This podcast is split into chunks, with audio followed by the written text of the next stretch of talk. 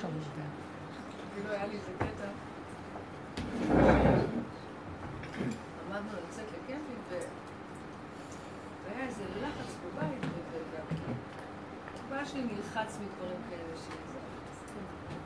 ואז אני פשוט במקום להיכנס לסיפור הזה, אמרתי, טוב, אני מתבוננת, ואז התבוננתי, ואז דיברתי איתו, ואז הוא אמר לי, עכשיו אני יכול, אני יכול לדבר איתך, את, לא, את מדברת איתי אחרת, כאילו, הוא מרגיש משהו שונה ככה,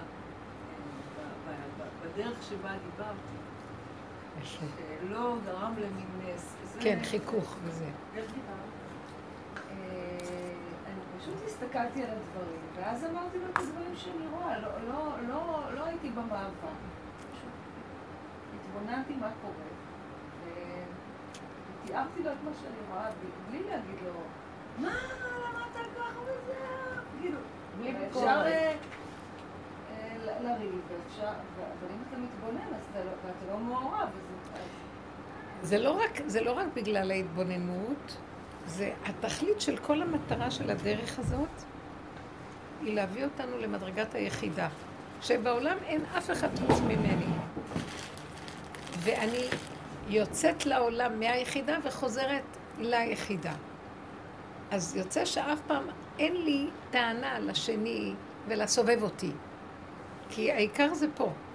הסובב הוא רק אמצעי וסיבה בשבילי. אבל הוא לא המטרה שלי, והוא לא האויב שלי, והוא לא השונא, ולא מה שמפריע לי. הוא רק סיבה לעורר לי את ההתפתחות של היחידה, ואז אני צריכה לדבר עם עצמי. כשאני מדברת עם היחידה שלי, אפילו בנוכחות השני, התקשורת לא צריכה להיות איתו. הבעיות התקשורת לעולם לא נפתרות, כי אנחנו רוצים ללמוד איך לתקשר עם השני. התקשורת זה רק עם עצמי. אם אני מתקשרת נכון עם עצמי, אני ברורה לכולם, וכולם יקשיבו. כי אני נובעת מהמקום שהוא לא מסובך עם עצמו. כי התסכול שנוצר לי מול השני זה התסכול שלי עם עצמי, ואני זורקת את זה לשני. כאשר באמת, השני הוא לא בעיה שלי בכלל, זה אני לא מצליחה לפתור את ה... לעשות את המיישב, מסדר ומיישב של עצמי. אז אני יוצאת בכעס על הזולת. אבל אם אני כל הזמן מיישבת את עצמי ומסדרת את הנקודה שלי, השני הוא בכלל לא מטרה לחץ. אז תקשורת הכי טובה. זה אפילו לא צריכה אפילו תקשורת מילולית, הרגשה טובה סביב פשטות של מציאותי. גם בלי להגיד שום מילים. גם אם אני אגיד מילה, הוא יבין שזה לא מכוון אליו. זה לא מכוון למישהו, זה לא מאיים על אף אחד. ואם הוא מאיים עלייך ברמה אם הוא מאיים זה אני עם עצמי, מאוימת. השני לא יכול לאיים עליי. לא, יש לי כוח בפנים שמבוהל, מפוחד, כועס, לא מקבל. אז הכוח הזה מתראה אצל השני, ואז הוא מחזיר לי פלשבק כזה על עצמי. יש לי בדיחה מתאימה שאני שמעתי, ואני חייבת, זה נורא מתאים. הכלב אומר לחתול, ההוא, ההוא, אז החתול עונה לכלב, מיו, מיו. אפרופו החתולה, מקסים. זהו זה, את מבינה? חמודות. תשארי כלב. חתול. לא, תשארי חתול. חתול. אמרנו, דיברנו על החתול, כן. תמיד אני גם כן, חלמתי לפני כמה ימים חתולה קטנה קטנה שמסתובבת ומדברת בלשון פני אדם רגיל, ואז אני מתפעלת, איך היא מדברת בלשון פני אדם? והיא אומרת, אין לי כבר כוח, אין לי כבר כוח. קטנה כזאת, ומדברת בלשון פני אדם. ואחר כך, בתוך החלום, ידעתי שזה אני, החתולה הזאת. אבל היא הייתה קטנה, כי פעם הייתי חולמת על חתולים גדולים. עכשיו החתולה נהייתה מאוד קטנה, קטנה, גורית. חמודה. אבל החתולה היא מה שדיברנו, היא היסוד האמיתי של האדם, שהוא בעצם... אה, מה, מה זה המילה חתולה? אתם יודעים? חתול. מחותל, המילה מחותל. מה זה מחותל? אה? מלשון זה שהוא מחתל את הצרכים שלו. מה זה המילה מחתל? צניע. מצניע ומאוחד עם מציאותו כזה. הוא לא. הוא לא פורץ וזורק, הוא מחבר ומצניע ומתאחד עם הנקודה. אז החתול היה יסוד העצמי של האדם בעצם, ביסוד הראשוני, שיש לה שבע נשמות, והיו עמים שעבדו עם, אה, את החתולה כעבודה זרה, נכון? אמרו על המצרים הקדמונים נדמה לי. אבל בכל אופן, ביסוד הטבע של האדם יש את המקום הזה של ה... היסוד הראשוני, אם אנחנו נוגעים בו כל הזמן, התקשורת היא רק ביני לביני. והוא כותב את זה בלשם, שזה ספר של מפרש את עץ חיים, הקבלה, והוא אומר שהחיבור הכי גדול של האדם זה מעצמו לעצמו. האהבה הכי גדולה של האדם מעצמו לעצמו. שמעתם? אה, האחדות הכי גדולה של האדם זה מעצמו לעצמו. אתם מבינים מה אני מדברת? וכתוב שהאדם נהנה ממה שיש לו, קו אחד שיש לו יותר מתשעה קבין של חברו. זאת אומרת, כל דבר שהוא עצמי, יש לאדם שמחה בו והנאה יותר גדולה. זאת אומרת שהיסוד העצמי של האדם זה השלמות שלו.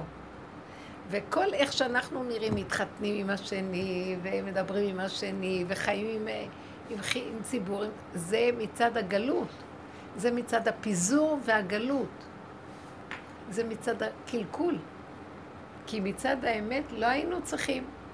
האדם הראשון הוא נברא כאדם אחד, שגם האישה הייתה כלולה בו, בהתחלה, בבריאה הראשונה שלו. והפירוד יוצר את כל הבלגן. אז על מנת לחזור למצב הזה, אנחנו צריכים לקחת את העולם ולאחד אותו עם מציאותנו. זה התיקון הבסיסי הראשוני, כדי להביא לתיקון של כל הגלות הזאת והפיזור הנורא שיש. ולא נרצה שום דבר מבחוץ. והרצון להתאחד עם השני הוא על מנת לעזור לי להתאחד עם עצמי. הוא רק סיבה לעזור לעצמי. כי לעולם התכלית היא שאני אתחבר עם עצמי בסוף. זהו. האדם נולד לבד והוא מת לבד, והוא, והוא המציאות שלו שהוא מתחבר. השני הוא הסיבה לעזור לו להגיע למטרה הזאת. הבנתם מה אני אומרת? יש לכם משהו לחלוק עליי בדבר הזה? מי שלא התחתן לא יש הרבה בשביל לעשות את זה. מי שלא התחתן לא צריך את השני כדי לעשות את זה. לא אמרתי ככה. לא, ב, לא, ב, לא, ב, לא מתוך כוונה. אמרתי, אדם צריך להתחתן כדי לדעת שבסוף הוא לא חייב להתחתן. כי בלי זה הוא לא יכול לדעת. אלא אם כן, יש לו מההתחלה כוח פנימי כזה של עבודה, כמו שרבנו יונתן בן עוזיאל, נכון? הוא לא התחתן אף פעם. הוא היה אדם מאוד גבוה. הוא לא היה אדם... לא טוב האדם אה? לא טוב האדם. אבל הוא היה מחובר עם עצמו, הוא לא היה לבדו. הוא היה מחובר עם השכינה שלו, והוא לא היה בכלל לבדו. הוא ברח מהעולם והוא חי שם למטה בעמוקה. איזה מקום יפה לחיות. אה? בגלל שהוא לא... כן. זאת אומרת, כן, כן, והוא בא להראות לנו איך אפשר, אה, גם כשמתחתנים צריך האדם להיות מחובר עם עצמו, אחרת יהיו לו בעיות בחתונות האלה. אדם, אנחנו חיים פה בשטחיות משגעת. כל המציאות שלנו פה מאוד מאוד מאוד שטחית. התכונה של כדור הארץ והפסיכולוגיה שלה שטחית, ילדותית, לא מגרדת את השטח של, של המדרגה הנכונה. ואנחנו, ועכשיו נפתחות תודעות חדשות, ואנחנו שואפים להגיע למקום אחר.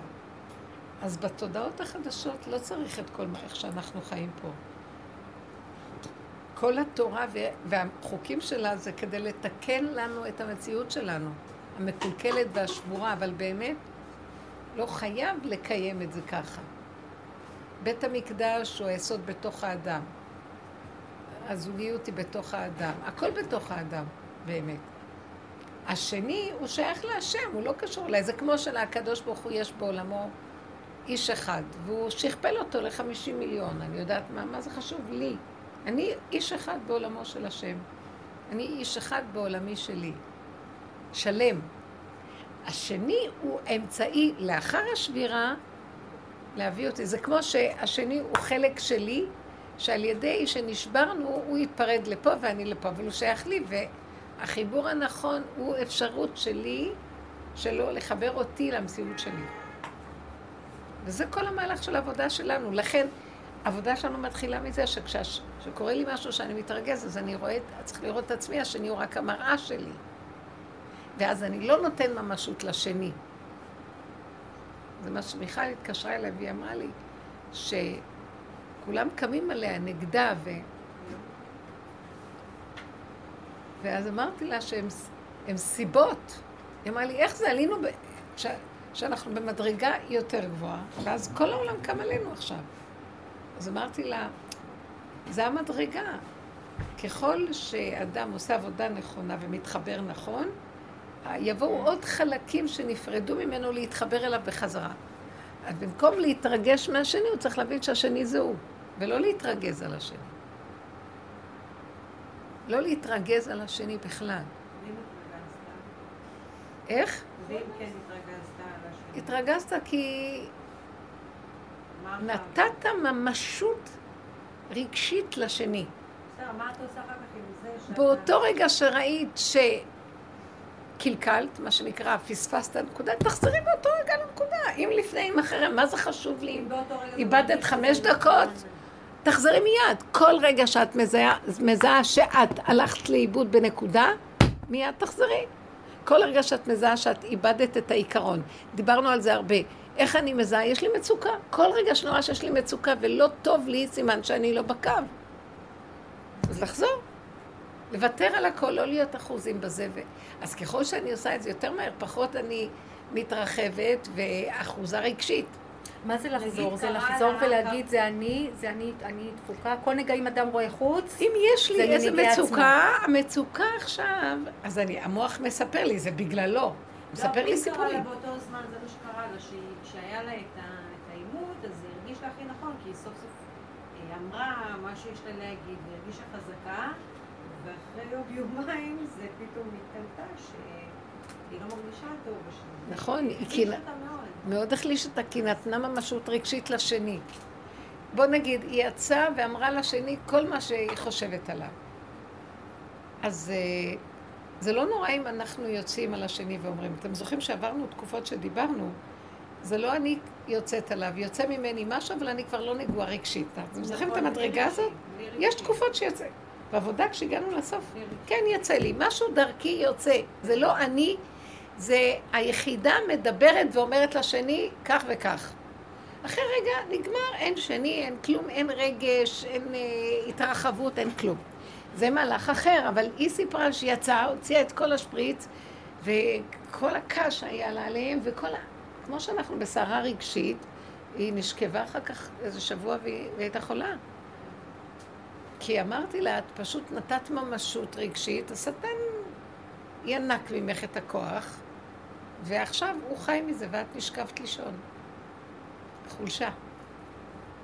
צריך להישאר מנוטרל רגשית. זה כל עבודה שאנחנו עושים. כי עכשיו, ברגע שאת חושבת שזה השני, זה ההתרגשות הרגשית, שאת הולכת לאיבוד. למה היית צריכה ללכת לאיבוד בזה? כי את לא בעבודה. שכחת את המקום שלך, או-או, העולם הוא סכנה, צמצום. אין כאן עולם, בנות. שקר, התוכנה של החיים פה היא תוכנת שקר. לא יוצאים ממנה ראש, את לא גומרת לעשות זה, תסתבכי פה, הסתבכת כאן, יצאת מזה, את נכנסת לפה. אל תיכנסו, ואל תסתבכו, ואל תתקרבו. תמיד מסתבכים. אז אם הסתבכנו לרגע, ומיד לצאת. כאילו כלום לא קרה. תקשיבו, תרגיל מדהים. אני, אני אומרת, תהיי קרה ואכזרית לעצמך, לרגש שלך, שאומר לך, מה הם חושבים? הם לא קיימים, אין אף אחד, אני אמרתי, התלכלכתי, בוא נגיד שיצאת בפרעונך, את נראית הכי גרוע בעולם. פתחת את הג'ורה ויצא הכי גרוע, ולא נעים לך. כן, כי ככה אני וזהו זה, ולסגור חזק, חזק, חזק. אתמול היה לי גם כן איזה סיפור כזה. זה לא היה סיפור. חזרתי בשעה מאוחרת, הייתי באיזה שיעור, וחזרתי מאוחר, ובני הבית, כאילו, הילדים כבר, הם נמצאים בחופש אצלי. כולם בבית. הם כבר היום מתחילים להתפזר אחרי שכמעט שבועיים אה, על המחיה ועל הכלכלה ועל תנובת השדה ועל מה לא, ישבו אצלי. אז בקיצור, אני. ואני אמרתי לעצמי, אני כל כך עייפה, אני רוצה להיכנס למיטה, די, שעה מאוחרת. עכשיו, מהבוקר אני גם בשלט מגישה נותנת וזה, וגם רצה לאיזה גיחה בחוץ. ומה, הם ישבו וערבו לי.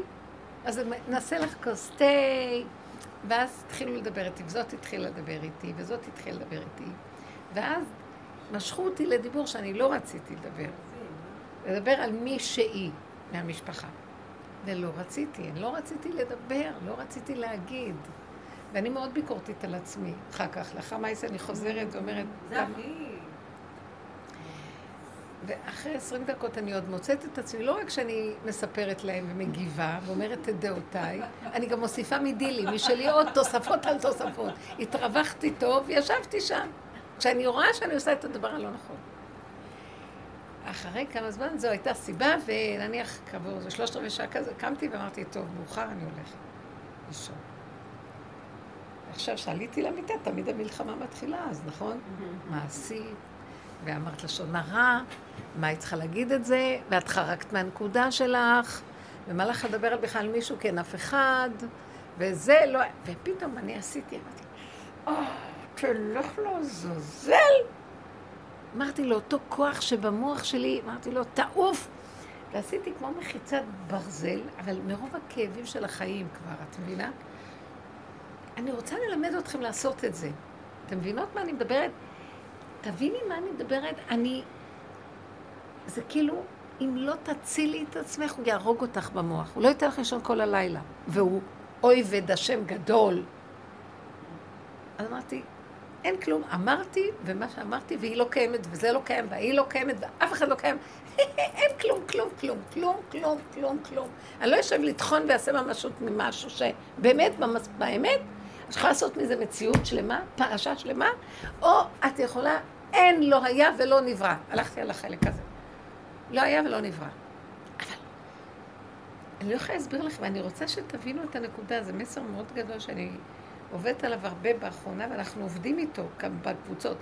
זה ברזל, זה נחושת, נח... אתה נחוש, זהו. אני חייבת להדגיש את זה בצורה הזאת. עשיתי ככה, אמיתי. לא, ככה, והוא חוזר ואת מסכימה לו, ואת נכנסת לזה, והלכתי לישון. נרדמתי על אתר.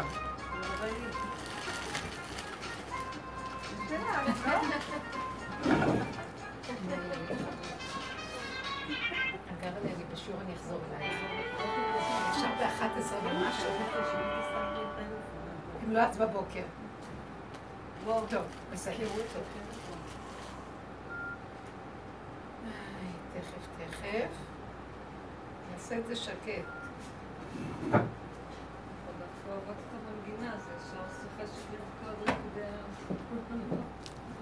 זאת אומרת, עכשיו זו עבודה על עבודה. קודם הייתה עבודה כזאת, ולפרק, ולראות את עצמנו, וההתבוננות, והביקורת. כן, זה חלק מאוד חשוב מהעבודה. הביקורת וההתבוננות, ולקיחת אחריות. זה לא השני, זה אני, אבל פה גם אני לא. אין כלום, לא, לא רוצה, לא מוכנה. מי הוא?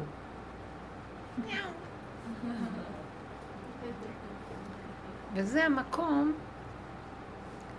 הוא הנקודה שאמרתי לה, את נתת להם ממשות רגשית גדולה והתרחבת עם זה. אז אם לא להם, אז לעצמך. למה אני אמרתי? למה הוא אמר ככה אחר כך? אז למה אני? מה, אכפת לי אם זה הוא, אם זה אני? אני מתה. או שאני ממיתה מישהו, אני ממיתה את עצמי. מה אכפת לי? אני, אני הורגת כאן מישהו, אין לי כוח. אין לי כוח. שמעתם? לא כי אחי. צפצף, לצחוק, לפרק, לשחרר, אין כלום. זה התודעה המטומטמת של כדור הארץ. מכל דבר היא עושה משהו. הבן שלי היום היה ב... הם, הם הלכו לבחור, אה, כאילו הם. יש בית ש... בפרויקט שהם בונים, אז צריכים ללכת לבחור את העריכים וכל הדברים. אז הם הולכים ובאים ולא מתנהגים איתם טוב. אז אה, הם, בפעם השנייה, השלישית שהם הלכו, אז הם כעס. אז הם הוציאו צעקות על הבני, על אלה שאחראים. ואז אה, הם החליטו, הם אמרו, אתם צריכים לפצות אותנו על כל ה... מה זה הבלגן הזה? באים ועוד פעם ועוד פעם קובעים איתנו, אז הם פיצו אותם בארבעת אלפים שקל. כאילו, הסכימו. כשהם חזרו וסיפרו לי את זה, הם היו כל כך מאושרים, אז אמרתי להם, תראו, זה מקצוע. אתם יכולים לעשות מזה הרבה כסף. תלמדו איך אה, ככה ללכת על העניין הזה בכל הדרכים בחיים שלכם.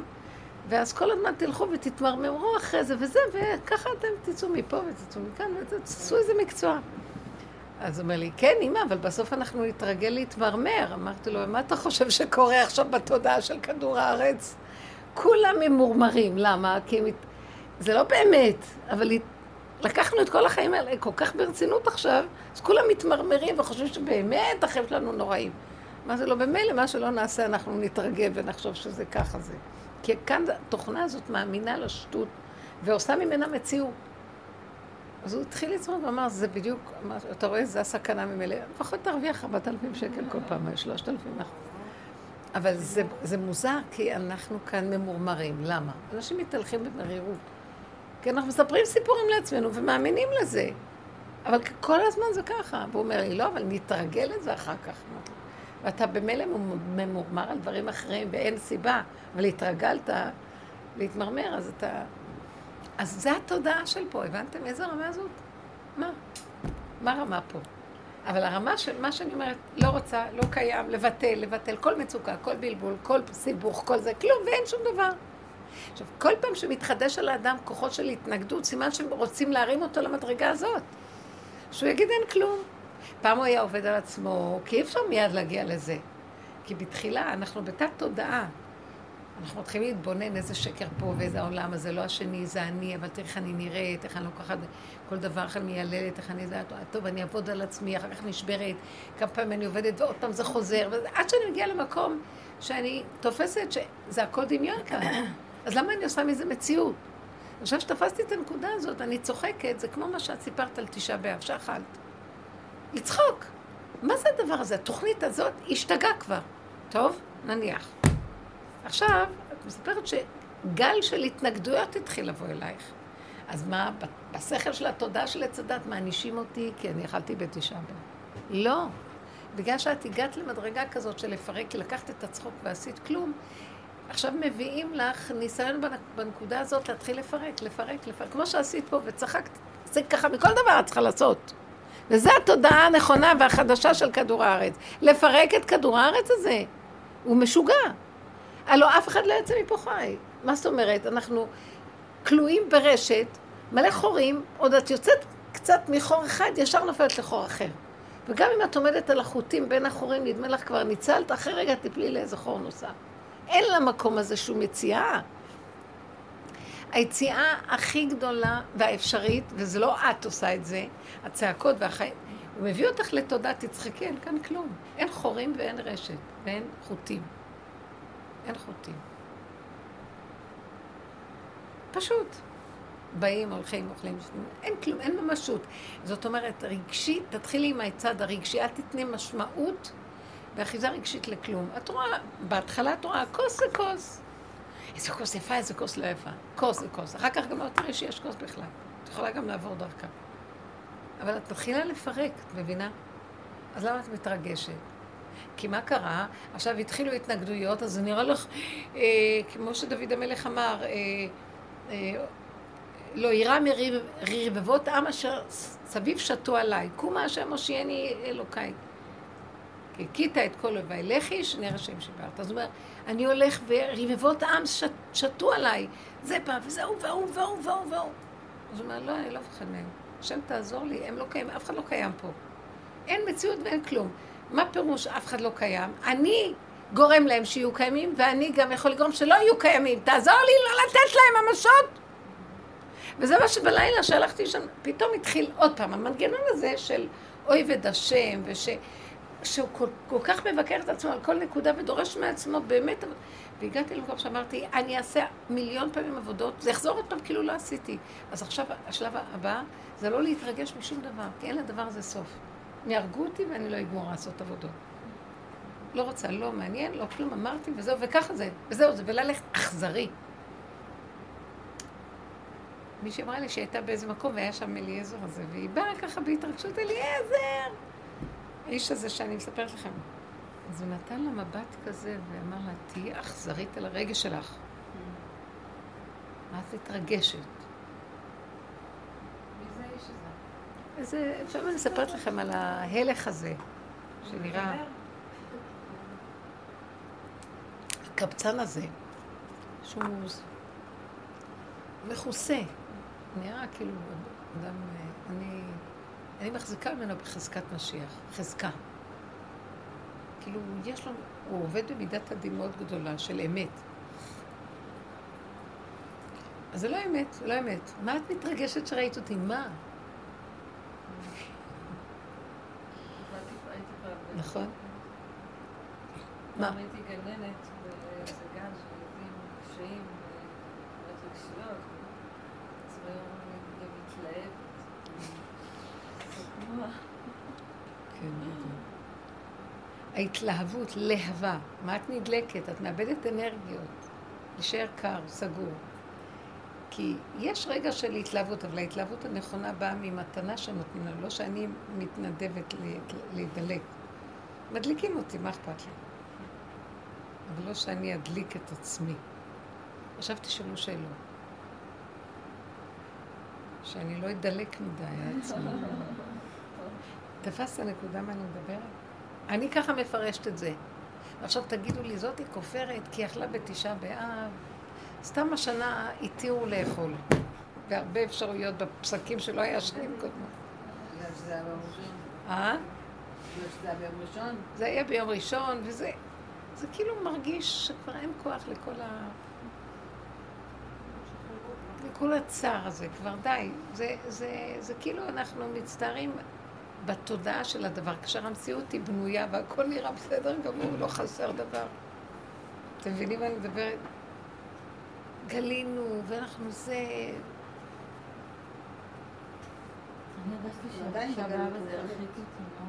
אני. לא שמעתי, עוד פעם, בקול רם דברו. מה? לא, אני אומרת שהתשעה באב הזה מאוד מאוד הרחיק אותי. ככל שנכנסתי לעומק של התודעה הזאת, אני הרגשתי ש... זה הרחיק אותי מהשם. ממש. זה המטרה, זה הורג אותנו. זה המטרה למות, כי תשעה באב היסוד שלו, שהם קטרגו, המרגלים לא נכנסו, לא רצו להיכנס לארץ ישראל, וגמרו, גרמו קטרוג ויללה, ואז העונש היה שבאותו יום הם יחפרו את הבורות שלהם וימותו. פעם בשנה הם היו שמים, חופרים את הקברים ונכ... זאת אומרת, זה יום של מיתה. לא, לא מוכנה למות. כל השנים אנחנו עושים את זה כי... אבל כבר השם לא רוצה שנמות. הוא רוצה להתגלות, הוא רוצה לחיות דרכנו. הוא רוצה עכשיו שאנחנו נגזור וזה יהיה. הכוח האלוקי נמצא בתוך האדם, אבל התודה של עץ הדת לא נותנת לו, כי הוא תולה את השם למעלה והוא כאן. הוא צריך לסגור את המוח ולהיות גולם שדרכו עוברת חיות אלוקית. ועוז וחדווה במקומו. חיות האלוקית זה יסוד בית המקדש בתוך האדם. עשו לי מקדש, מקדש מעט. הבן אדם מתהלך בעולם והוא מקדש להשראת שכינה. מה זה שכינה? מתיקות. היחידה. שלווה עם עצמו, מתיקות, הוא לא שונא אף אחד, לא חושב על אף אחד, המוח שלו לא על השני בכלל, אין שני. עכשיו, אדם כזה שמתהלך ככה ומאפשר שהשכינה תיכנס, הוא מביא ברכה לעולם. איפה שיש אדם כזה, צינור כזה, זה נר אחד, נר למאה, הוא מדליק, יש גילוי אלוקות דרכו בעולם, והוא בכלל לא, זה לא גאווה אפילו לחשוב אני ואני. בכלל, לא צריך לדעת את זה מעצמו לעצמו אפילו. הוא יודע שטוב, הוא שקט וטוב לו בפנים עם עצמו. שמח לו, והוא משמח את הבריות סביבו. בלי, שיה, בלי שהוא ידע ויודיעו לו, את מבינה? הכל בהסתרה. אז. אנחנו רוצים להיות צינורות כאלה, המטרה של הדרך. ועכשיו, את לא צריכה להיות צדיקה עליונה בשביל זה, וגם לא את ולא אף אחד. תהיו לי כלים שדרכם אני מתגלה, אני צריך כלים. הכוס מתגאה, השם בתוכי, יש כאן מים, או יש כאן יין, מה אכפת לו? סך הכל זה, ותראו איך הדעת החיובית גונבת, אני צדיקה, אני יש לי מדרגה, אני עולם הבא, עכשיו אני הולכת ברחוב, כלומר זאת צדיקה. תעזבו אתכם מכל זה, זה לא אמיתי. לא צריך את כל זה. אצל השם ידוע מי צדיק. מי שצריך להיות צדיק אצל השם הוא יודע. מה אכפת לי? מה, מה זה קשור? כמו שאומרים, ש- צדיקים נסתרים יכול להסתובב עם ממש. והוא בעצם צינור הכי נקי. זה מה שהשם רוצה עכשיו. הגילוי, זה, הצדיקים הנסתרים זה הדבר הכי חשוב עכשיו. כי ברגע ש, שאנחנו יודעים מעצמנו לעצמנו, יש גניבה. הדת הזאת גונבת, ואז אז השם לא יכול להיכנס, כי יש גניבה. יש גניבת ישות. לכן ההסתרה היא מאוד מאוד טובה. עכשיו, כל מה שסיפרת שקרה לך, זה פשוט עלית במדרגה כזאת, שזימנו לך. זימנו לך עכשיו אש להבה, ועכשיו את לא צריכה להתרגש, אל תתרגשי מכלום. לא מה... מה שיצא ממני התרגשתי. מה שיצא מהשני, ממה שיצא ממני. שאני עכשיו אמרתי לא, ואני פגעתי זה מה שאמרתי בו, לכם שקרה לי. יואו, כאילו, מה בעצם? את לא פגעת באף אחד. כשאת מחליטה שפגעת, אז באמת זה מתראה שפגעת. לא פגעת. תלכי לדרכך, גם אצלו לא קרה כלום. תצמצמו את עצמכם לעצמכם יותר ויותר, תסגרו את המוח יותר ויותר, לכו בפשטות ותראו סיבות. החושים יראו לכם סיבות, לאכול, לשתות, ללכת, ללכת, לקחת, ולהיזהר לא להתקרב מדי רגשית, פסיכולוגית לבני אדם. כי הפסיכולוגיה של עץ הדת היא מרעילה, היא מסוכנת. אז לשמור מרחק. אבל יש המון המון תנועה פנימית. למשל, להשתיק, להשתיק, להשתיק, להשתיק, להשתיק, להשתיק. זה לא שתיקה. יש המון מה המון? תגידי לי מה המון. מה? נפש של אישה, זה דבר... אה, יאללה. חתולה גדולה, נפש של אישה. נפש של אישה. איך שהמערכת הזאת עובדת, יש, יש, יש לא, המון. לא, לא. לא. היא מערכת שקרית שהיא גונבת אותך מלא הורמונים, מלא, ש- מלא תנועה של חומרים, זה סתם. את לא חייבת. אבל זה משפיע. זה משפיע ברובד מסוים. את חייבת שזה ישפיע? לא משפיע. את תחליטי שזה לא אבל זה משפיע. קיים, זה, לא קיים, את נותנת לזה קיימות. את יכולה להבין מה אני מדברת? שאת נותנת לזה קיימות. תלוי איך את מתרגשת מזה.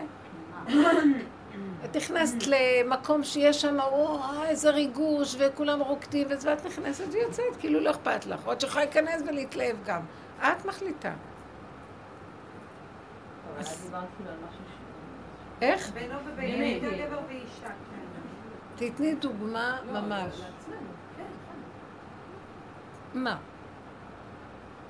לא משנה עכשיו. אה, אני אומרת, בגדול, המערכת... אה, לא, לא, לא, אתם לא... אני מתפלאה, שירה, כל כך הרבה שנים את פה. מה קרה לך? המערכות הטבעיות, אדרנלין, פנקריאס, תיירואיד, כל הבלוטות האלה, יש לנו שליטה עליהן. אל תתני להן להתרחב יתר על המידה. הן עולות וצריכים... קטן, קטן. הן גם יכולות לגדול עלינו. זה הכל תנועה של חומרים שאנחנו נותנים להם רשות לפעול עלינו. יש להם תכונות. את יכולה גם לא לתת לזה ממשות. ובוא נגיד, לא יכולת, נפלת, קמת אחרי רגע, אל תתני ממשות. אם לא לפני, אז אחרי. אבל הרעיון לא לתת לזה התרחבות וממשות. להיות חזקים. להיות, תצמצמו את עצמכם ליחידה. אם לא, אתם תחטפו על ימין ועל שמאל. אין לי כוח, למה? אז את נכנסת באיזה ניסיון שהיית יכולה להתעל... לא להיות בו. אמרת, אז אמרת. גם אני ישבתי ועוד מצאתי את עצמי מתרחבת, ואני רואה את עצמי מתרחבת. ואומרת, קומי כבר, עוד, לא עוד ועוד. בסוף שלחתי, זה היה, אני הודיתי לה שאם יכולתי למות מזה, או לא לישון עד שעות מאוחרות. זרקתי את זה מהמוח, ו... אבל ברמה אכזרית. למה שהוא יתאכזר אליי? אני אקום ואתאכזר אליו קודם. זו מלחמה, אם לא, לא. ובמלחמה הזאת את מחליטה, את קובעת, את עושה וזה נגמר. זה גם לא צריך להיות רחב וגדול. זה- מאוד עוזר הגישה הזאת. רק עכשיו אני מרגישה קצת נופל לי האסימון איך ליישם את זה. כן. אני לא מושלמת, אני דפוקה ותמלא אותי, וזה דווקא כאילו לקום מהכיסא שלי ולהושיב אותו. אז זה דווקא מאוד עוזר זה בדיוק אותו דבר. למה שאני אתן למוח הזה לשגע אותי? והחומרים שלו, והוא מפעיל אותי, זה הכל פה הדמיות, והחומרים פועלים כפי שההדמיה נותנת להם, כן? למה לי? אה, לא קיים, לא קיים. לא נותן, לא לתת להם את המקום. כל הזמן אנחנו מחפש אותם. איך? זה כל הזמן, זה כל רגע כזה שאת אה, שנייה זה, הוא...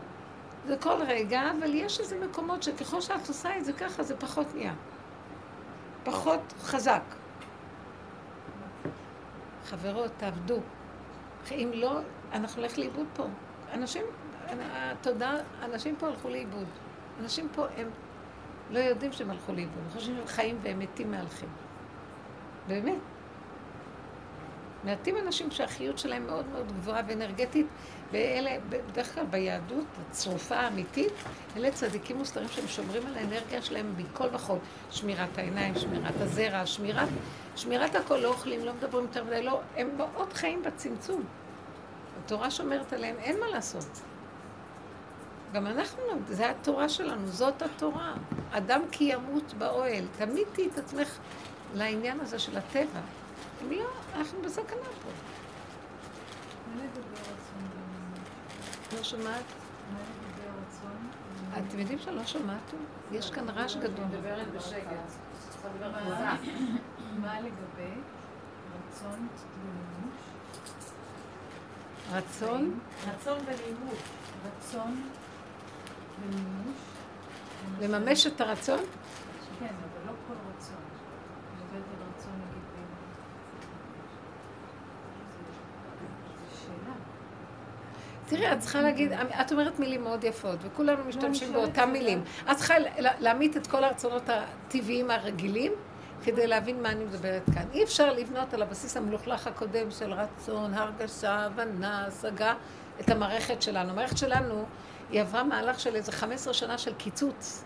20 שנה שעבדו כל- בכל החזיתות והקבוצות, ועכשיו אנחנו משתמשים עוד פעם במילים האלה, אבל זה כבר לא המשמעות הקודמת.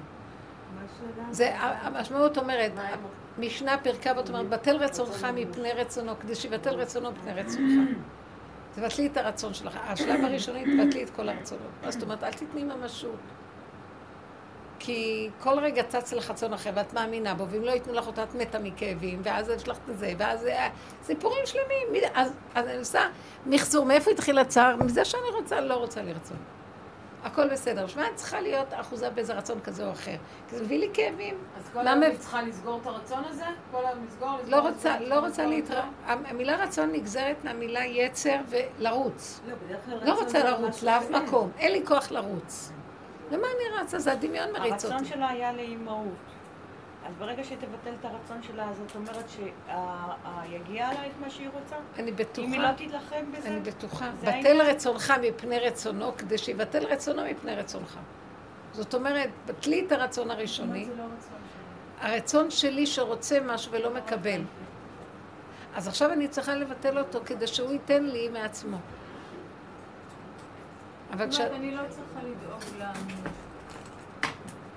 בטבע אני חושבת שאני צריכה לארגן את הרצונות, בלי רצונות אין לי חיים, ואני צריכה את הרצון. יש מערכת שלמה של טבע, זה נקרא תודעת כדור הארץ, אבל היא מאוד תפוקה.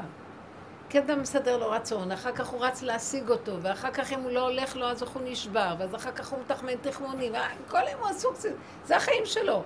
אם היינו מצלמים את המצלמה של החיים, היינו רואים שאנחנו ממציאים לעצמנו את החיים פה, על ידי הסיפורים בסרבי הרצונות והכל, ואין מזה כלום. אולי יש, אולי ככה מעט אמת יש בתוך כל הסערה של החיים מההתחלה ועד הסוף.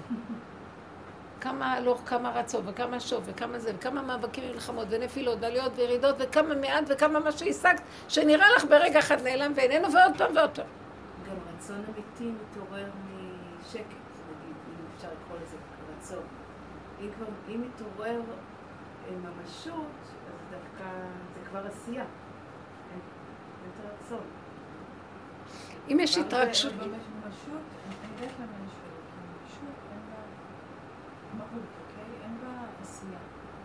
שומעת אותך, תדעי לך, אני לא יודעת מי. גם אני רצון. חושבת, כן.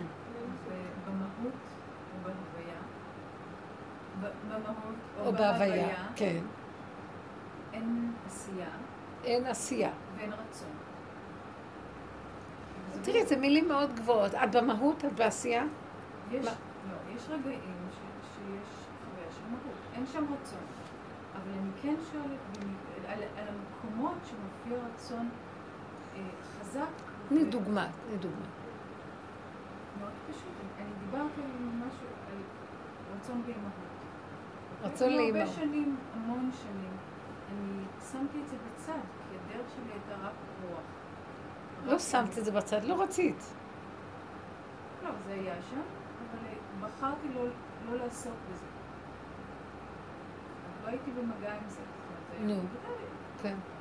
והיה איזה רגע שאמרתי כן לזה. ועכשיו אני מול המערכת יחסים עם הרצון הזה, וזאת שאלה האם כאילו זה, זה, זה שואב אותך, ואז זה מגייס ממך אה, כוחות של, אה, של בחירה. טוב, את הולכת בטבע, אני לא מדברת על המקום הזה. אז זה בדיוק, לכן אני שואלת אותך, זה כאילו להרפות גם. אנחנו עושים פה עבודה מאוד אמיתית ושורשית. מה אני אגיד לך, מה העבודה שנעשית פה?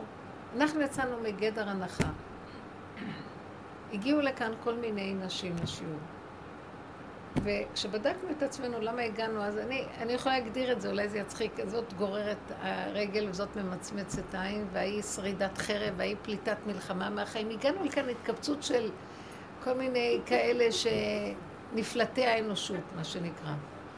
כי מה? כי הרגשנו את החיים עלינו, החיים לא היו קלים, כי נגעו בנו.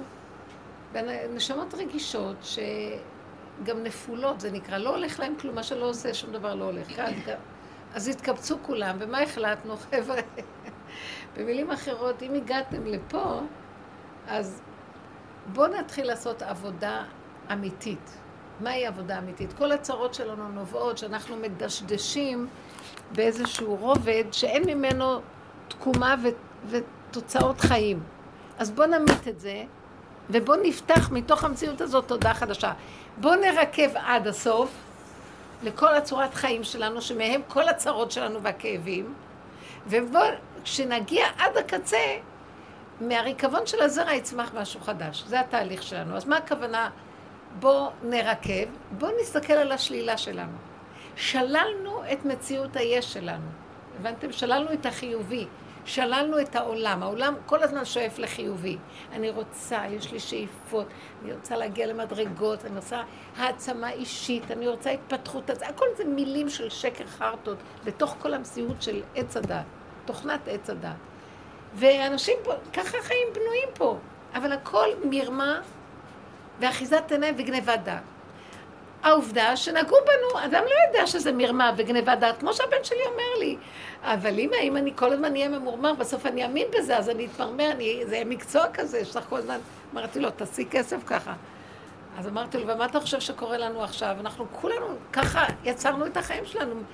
סיפרנו לעצמנו סיפור, האמנו בו, וכולם ממורמרים, וכולם כאובים, וכולם כועסים, וכולם כאילו עליזם, וכל, והכל סיפורים, אין, זה לא אמיתי כלום פה. אין אמת, האמת נהדרת.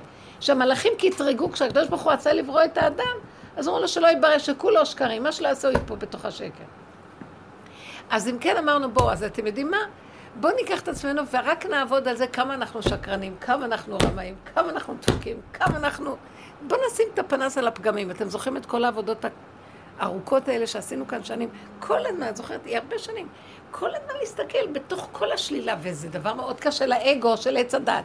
תוכנת עץ הדת לא סובלת את זה, כי היא כל הזמן עובדת על וייתם כאלוקים, והיא רוצה הדמיות חיוביות, והיא רוצה לדעת שהיא משהו, ויש לה האשמה, אה, העצמה אישית, ויש לה יכולות, ויש לה...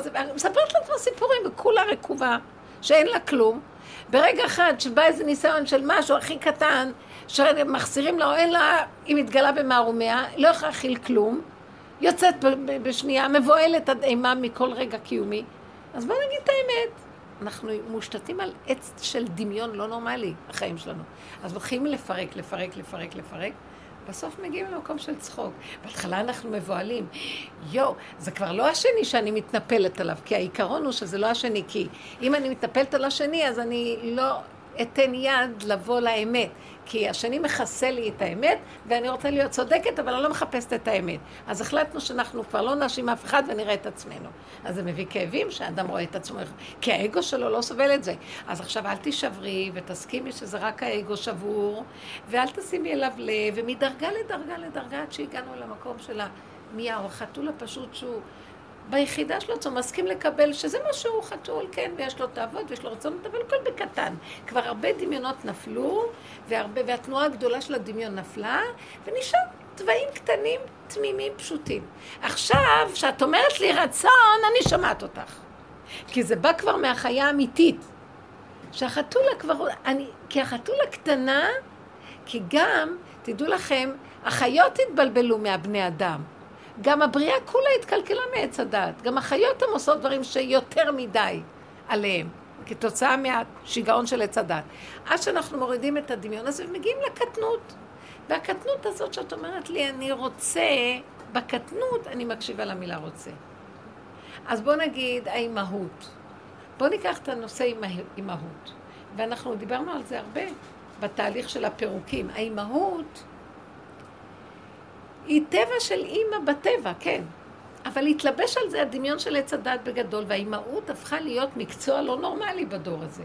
ובכל הדורות, לא יודעת, בכל הדורות זה עוד היה איכשהו... הטבע הפשוט. איזה השכלות יש סביב האימהות, הורות, אה, כמה מטלות... סדנאות סביב גמילה מטיטול. מה השתגעו? הדעת היא פשוט משגעת את הבן אדם סביב הדבר הזה. והמהלך של הטבע באמת שלו רוצה לסגור את המושג אימהות ולרדת למושג של במקום אימא, ילדה. היום הדור הזה, דור הגילוי, דור האמת, כמו שאומרת לכם, החתולה נהייתה קטנה, היא נהייתה ילדה קטנה, היא נהייתה קטנה, בת יחידה, היא לא רוצה להיות אימא. היא כבר לא האימא הגדולה של האנושות. היא כבר ילדה קטנה, ילד קטן שלא מעניין אותו כלום, רק רוצה לקבל ביצריות שלו מה שהוא רוצה, ומה שבאמת הוא צריך ורוצה, הוא יצעק, יקבל.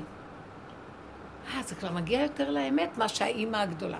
האימא הגדולה, לאימא יש מקום, אבל היא נגנבה, נגנב משהו בתודעה של הדמיון, בכלל הדמיון בכדור הארץ לעילא ולעילא. לא נורמלי שאדם יכול להגיע לחלל ויגיע לפה והוא... מה, כמה מיליונים הם מוצאים על החלל הזה? מה הם חקרו וגילו? את המיליונים האלה אפשר היה לתת לכל אחד איזה מיליון כדור הארץ? והיינו יכולים לחיות די טוב ולא יפסיקו המלחמות. כי אין צער, כי חיים טוב. לא נורא. אבל כל העניין הזה מוזר. בסופו של דבר, כשאת מדברת על האמות, עשו מזה כמו עבודה זרה. אני רואה שלאט לאט זה הולך ודועך באמת, כאילו נשים לא רוצות כבר להתחתן, אבל הן בכל אופן רוצות עדיין את האמות. השם מביא לעולם מצב שלא רוצה הרבה ילדים, כי הנשמות בגוף נגמרות, כי התהליך של הסוף יהיה שלא צריך יותר מדי ילדים ואנשים בעולם, לא צריך. חוזרים ליחידה, שזה האדם הראשון, עם עצמו, כבר לא צריך את הזוגיות והמשפחתיות הגדולה וההולדה לצורך כדור הארץ והתיקונים של כדור הארץ, כי הכל הולך להיגמר. אז בוא נגיד שבסופו של דבר,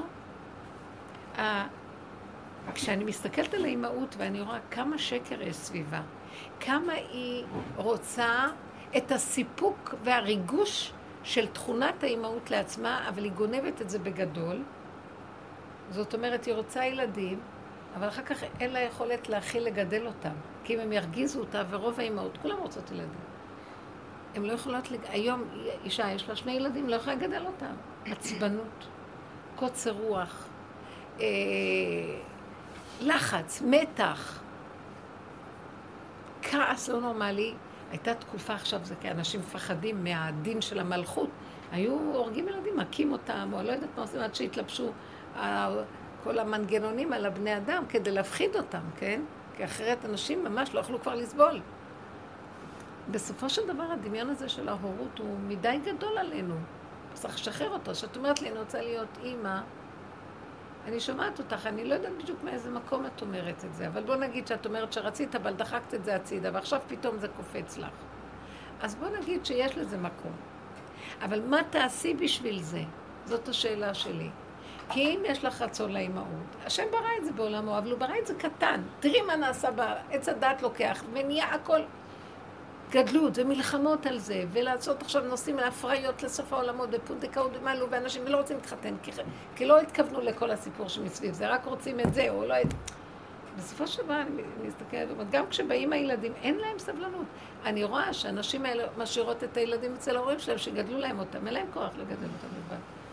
או שהם... אה, זה מאוד קשה סיפור של ילדים, דעו לכם. בייחוד כמו הדור הזה, כי הלכו לאיבוד.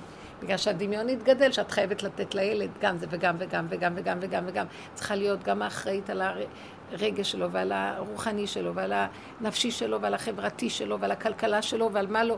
סליחה, את לא צריכה להיות שום דבר, את צריכה, יש מינימום שהילד הוא קטן וצריך אותך, אבל כל התוספות הרגשיות, השכליות והקורסים והדעתנות, זה הכל מיותר.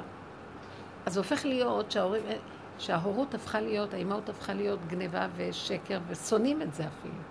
אנשים לא יודעים מה לעשות. מצד אחד רוצים אימהות, מצד שני נופלים בתוך סערה לא נורמלית של זה.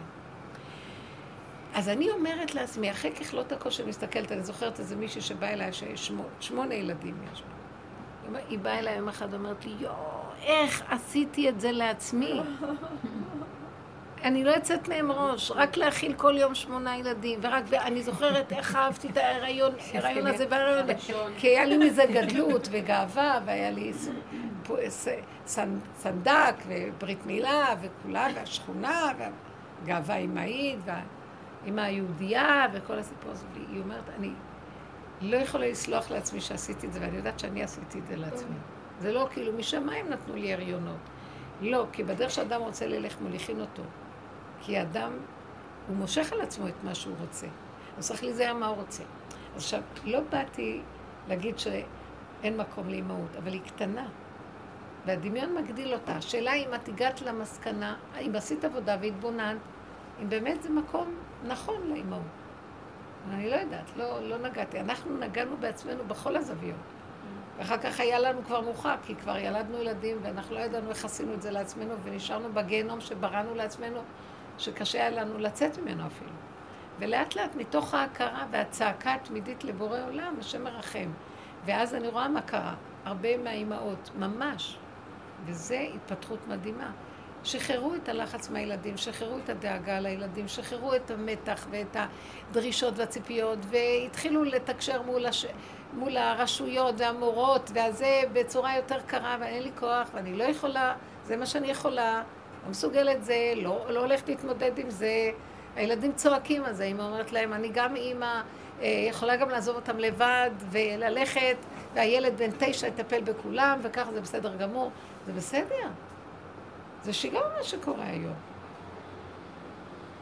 אז, אבל היא יכולה לעשות את זה כי היא קשורה לנקודת האמת של עצמה והעבודה עצמית הנכונה. וזה השם שרואה אותה, והשם אומר, כן, העולם שלי והילדים שלי והחיים שלי, ואני אחזיק אתכם. מה אתם חושבים, שאתם מנהלים את העולם והילדים שלכם? אז בואו אני אראה לכם, אם זה שלכם ואתם יכולים, בבקשה. אף אחד לא יכול כלום. מורים מסוכנים מאוד לילדים, עושים עין רע לילדים שלהם, מרוב כעס ועצבים. מאוד מסוכן הכל. להיות ממש בקטן, לא להיות חזק אחוז בקטן ורחוק. בסופו של דבר יש בזה מתוק, יש בזה מקום, כן? יש לזה מקום אם אדם יודע איך... תסתכלי על העדר של הכבשים. אז באמת, כשהכבשה ממליטה, אז יש איזה פרק זמן ש... שהיא נמצאת עם הגוזל שלה קרוב. מאוד יפה, אחרי זמן מסוים הוא משתלב עם העדר ואין לה קשר איתו בכלל, הוא כבר לא שלה בכלל. זה מין מינימום שגם כשהיא איתו, זה מין תפקיד כזה לשלב הזה שהשם נתן לה. אבל הוא מהר מאוד לומד להיות עצמאי, יחידי בעולמו, בעדר שלו. וככה גם האדם צריך להיות, את יודעת? ופעם החינוך היה כזה עם ילדים. עובדה שבמשנה פרקי אבות מסדרים את זה.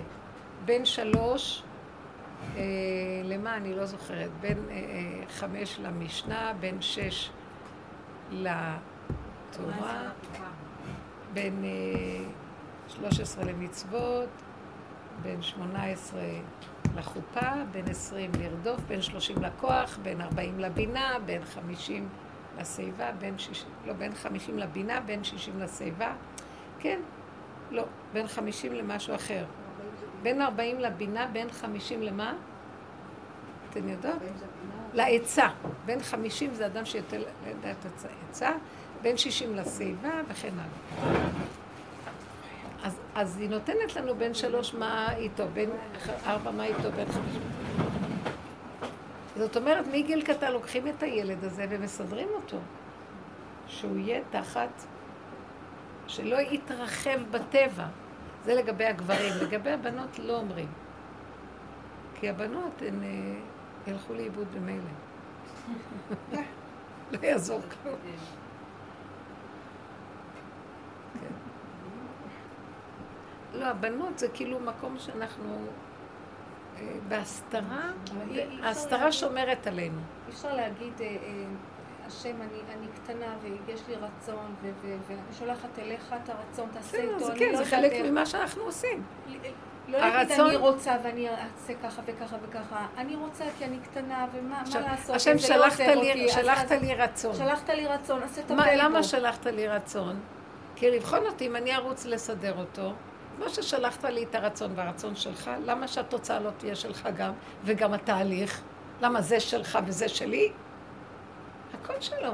הנשמה הלך והגוף פה הלך. אז הוא שולח לי את הניסיון.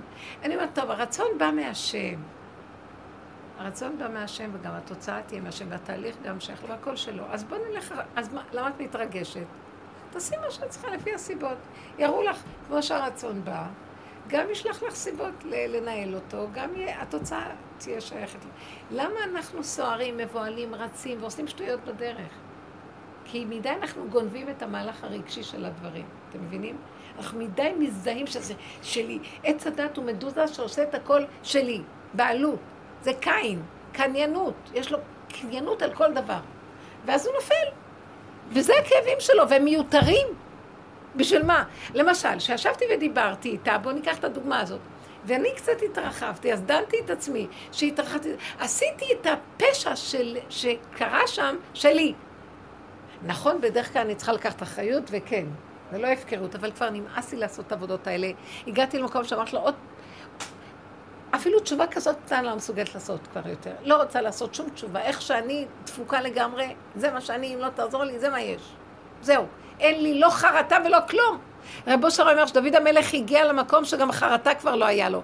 כי כל פעם שהיה מתנצל ומצטדק ומנסה לעשות תשובה, עוד פעם היה נופל, ועוד פעם ועוד פעם ועוד פעם. עד שהגיע למקום שאמר, אין לי גם חרטה, לא אכפת לי מה שאתה רוצה, תעשה. אין חרטה, אין כלום. אז הגיע למקום הזה, אז כשתפסתי את הנקודה שהתחלתי להתרגש, אמרתי, לא, זה לא שלי. זה לא שלי, אני עשיתי וגם זה עבר דרכי והכל, וכן, זה לא שלי, כי ריבונו שלהם, אם תעשה את זה, האני שלי רוצה לעשות את הכל שלו. זה לא שלי, אין לי כוח. כי אין לי כוח לעשות תשובה יותר, אין לי כוח להתרגש. אין לי כוח מכלום, לא אכפת לי, לא רוצה להיות שאכפת לי מכלום. לא אכפת לי, זה לא שייך אליי. אני מחזירה את המקום לריק, ריק. עץ הדת הזה שהכל שלו, מדוזה, זה מתחיל להתנפנף, זה לא שלי. תעבדו על המקום, זה לא שלי. גם אם התווכחת וצעקת ואמרת ויצאת, זה לא שלי, זה היה מישהו אחר. רב אושר פעם אחת, היה לו סכרת, היו לו הרבה סוגי מחלות, והוא הוא לא נתן לזה שום ממשות. הוא היה חי מוזר, כל כך הרבה התקפי לב, כל כך הרבה... אה? הוא היה קשור עם השם עם זה. הוא היה לוקח את המצוקה ומקשר אותה להשם בצעקה של עצבנות אליך, ולא לרוץ לפה, לפה לרופאים. אז סכרת היה אחד מהדברים האלה. הוא היה בחדר, והיה מקרר קטן בחדר שלו. והייתה שם עוגת גבינה, סיפרתי לכם על זה פעם.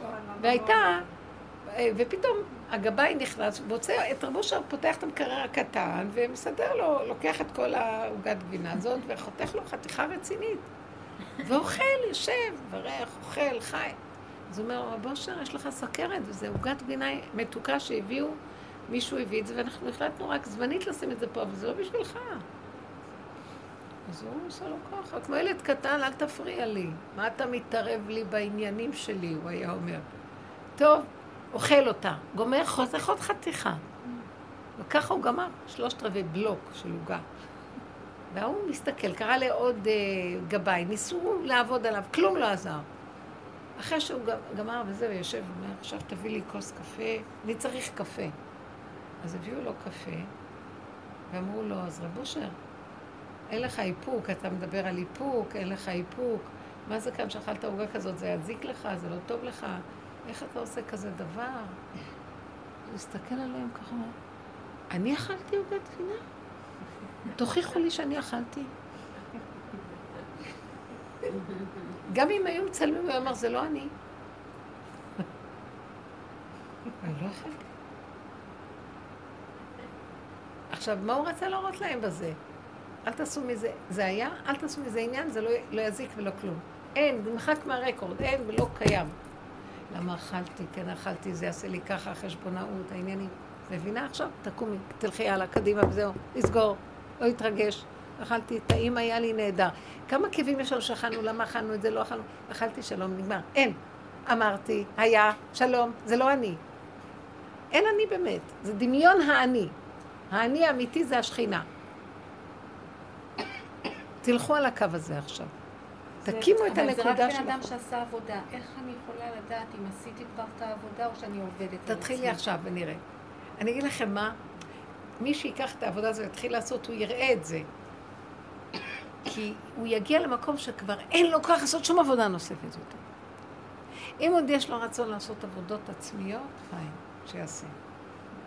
אני אומרת שינצל את הגל. אם אני שמה, כולכם תבואו, יאללה, חבל לכם על הזמן. פתחו לכם שער חדש. כי לא ייגמר הדבר הזה של העבודה. מבינה מה אני אומרת? את עוד רוצה לעשות שיר עבודה?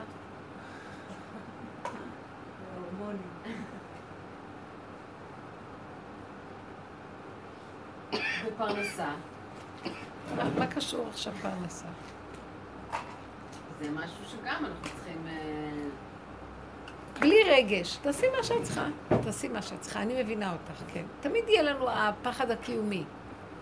תעלי את הפחד להשם, תגידי לו, אבא, אין לי כוח כבר לפחד על הקיום שלי. הדמיון משגע אותי כשאני חיה את הנשימה הרגע. למה אני חורגת מהרגע? בא המוח ועושה לי עבר עתיר, ואני, הרגע, הרגע פה, אני גוזרת, אני עושה, אני הרגע, יש לי מה לשלם, הרגע, תודה. תן לי ברכה במה שאני אעשה הרגע.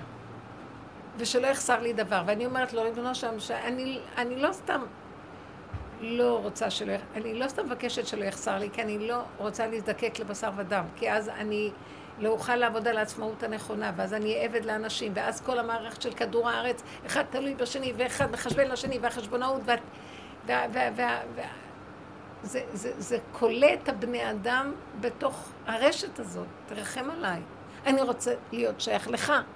אני לא באתי פה לעשות פרנסות, באתי פה לעבוד אותך ואתה תעזור לקיום שלי פה. אתה תסדר לי את הקיום, נכון? אנחנו בדין ש... אם הוא הביא לעולם, בדין שייתנו לנו פרנסה.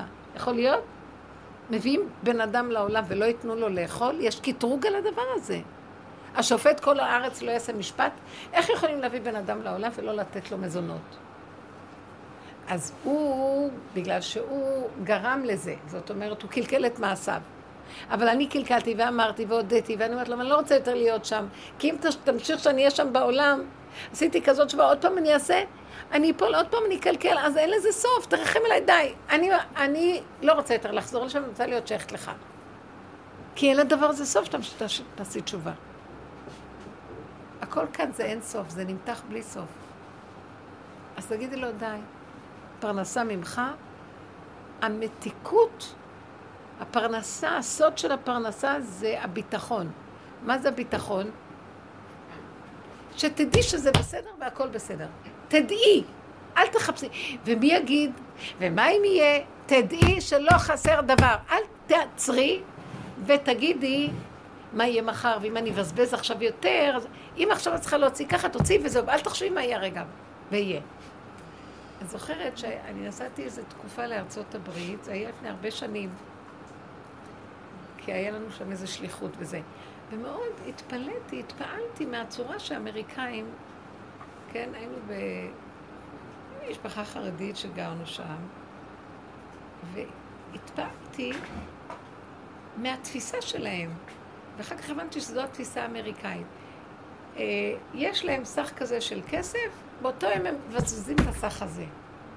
הולכים לאכול במסעדה, הולכים... אז אני אומרת, מה, כל יום במסעדה? אז היא אמרה לי, כן. היום הרווחתי ככה, והיום אני הולכת. אז אמרתי לה, תחסכי קצת, ישראלית באה עם החשבונאות. אמרת לי, לא. אמרת לי, לא. ככה זה פה. אוכלים טוב, חיים טוב, זה טוב. ואז אני רציתי להגיד, ואם מחר לא יהיה לך? זה לא היה בא בחשבון בכלל במחשבה שלה. זה מין תפיסה כזאת, נכון שאני, אני זוכרת שקלטתי את הנקודה של התפיסה האמריקאית. הם מוציאים, ואז נכנס. וזה החוק של הזוזים. מוציאים, נכנס. מחשבנים, אז כנגד זה מיד אותו הנהגה חוזרת אלייך. גם, גם איתך התחשבנו. יש בזה משהו מאוד יפה. אני לא מדברת על בזבוזים ומותרות, אני מדברת מה שנצרך לך. אל תתחשבני מדי. תקטיני את המוחין, זה לא טוב. מבינה? מה הכוונה? אל תלכי בהפקרות, אבל גם החרדה הקיומית היא מפריעה והיא גורמת באמת שחסר.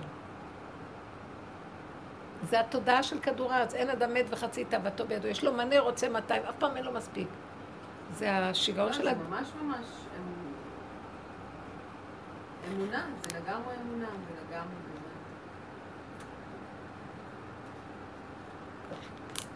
אמונה זה מחשבה שהשם לא יחסיר לי דבר. ביטחון זה הידיעה ש... למשל, מישהי אומרת לי בעבודה הזאת, איך נדע אם אה, השם איתנו או לא? אמרתי לה, תהיי בטוחה שהשם איתנו. את יוצרת את זה. את, את מטילה ספק, את יוצרת את זה. מבינה מה אני אומרת? פרנסה את יוצרת אותה. זאת אומרת, המוח של עץ הדת יביא לך תמיד את הכאבים, את הספקות, אף פעם לא יהיה מספיק, ותמיד יחסר, ותמיד ספק, ותמיד קושיות, ותמיד בעיות ומצוקות. ובעבודת האמונה והביטחון האמיתי זה לדעת שיש לי הרגע, ואם הסיבה מסובבת עניין להרגע, אז גם כל תינוק בא לעולם וכיכרו בידו. הרגע מביא את הסיבה שלו, והוא גם מביא את הצורך לאותו עניין, וזהו. אל, אל תחשבני, אל תפריעי לרגע הזה ואל תפריעי לקומבינה של הרגע. תבקשי. עכשיו, בא לי פחדים, כי אני עוד אה, שייכת לתוכנת עץ הדעת, כאשר יש לי כבר רגל בתוכנית החדשה. אז אני אומרת לו, אבא, תעזור לי שאני לא אקלקל לעצמי, כי עוד אני מקבלת תשדירים מהכיוונים. מה, ואיך את עושה, ואיך לא, והמוח אומר לי, תסגרי. ואז אני אומרת, תעבדו חזק לסגור. ברזל, נחושת. תסגרו את המוח הזה והחשבונות שלו, כי הוא לא ייתן לנו לחיות. לרכב, הרבנית התקלקל לרכב, והמזגן בבית, זה מסיח. וזהו, כאילו הדבר היחיד שזה, שסגרתי ואמרתי, זה מי יביא אותו, עד ש- עד שזה יסתדר, אני פשוט אביא רכב. ועבר שבוע, כל המסביב נלחצו, הלכו, קנו לי חלקים. בסוף זה לא היה כלום. אתמול הגיע מישהו משום מקום, גרר לי את האוטו, אוטו ישר כזה, אתה יודע, הכל כזה במין... והחזיר לי אותו עד לבית, הלך וזה, עלה לי בסוף מה שעלה לי וזה, אבל כן, היה לי איזשהו קטע של לא צריך אוטו, לא נסתדר, שלא יהיו... לא- את לא רואה, הנה, צריך. השם כן רצה שיהיה לך, והביא לך את זה בחזרה. ממש, ממש. למה הוא לא הביא חדש? אני לא יודעת. קראתי למישהו נמרח לי עם זה שבוע, בסוף בא מישהו אחר, מכיוון אחר, ועשה לי את זה. אז הוא כל כך איתך. אל תיפלי היה לי משום דבר. אל תישברי. עכשיו זה עבודה לא להישבר, תקשיבו לי, אל תישברו מכלום, תסגרו את המוח חזק ברזל, תצחקו. מה אכפת לכם? מה יש לכם להפסיד? כאילו החיים שלכם, אתם. מפסידים איזה משהו. בכלל אין חיים דרך אגב, זה סתם דמיון שיש לנו חיים. יש לי שאלה. כן. את עושה את העבודה ואת מעבירה את השיעורים הלאה, אוקיי? אנחנו גם עושים את העבודה מהדרכים שלנו והגענו אלייך לא במקרה כדי לחזק את העבודה. אבל אם מישהו שנניח קרוב אלינו, אחותי, אני רואה שבדיוק היא, היא, היא בדיוק בדרך ההפוכה. אני לא אשב ואנסה להסביר לה, או שאני... זה, זה העניין פה, איפה אני תקועה אצלך. הכל מובן, הדרך מובנת, ברורה, חד וחלק. אבל בעניין הזה, למשל אחות, את רואה שהיא בדיוק לא הולכת בדרך, והיא בחורה מקסימה, ו... אבל גם אני, אני זה היא. אם מראים לי אותה, זה אני. עכשיו, יש מקום לדבר על השני. השאלה אם הוא מקבל. כי אם אין הדבר נשמע, אל תאמר.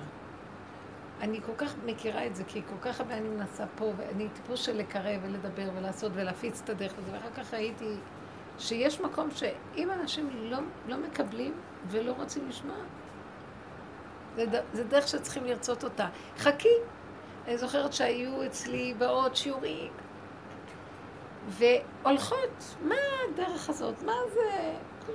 כועסות ש... חמש, שש שנים אחרי זה, על ארבע היו מגיעות. אין דרך אחרת, זהו.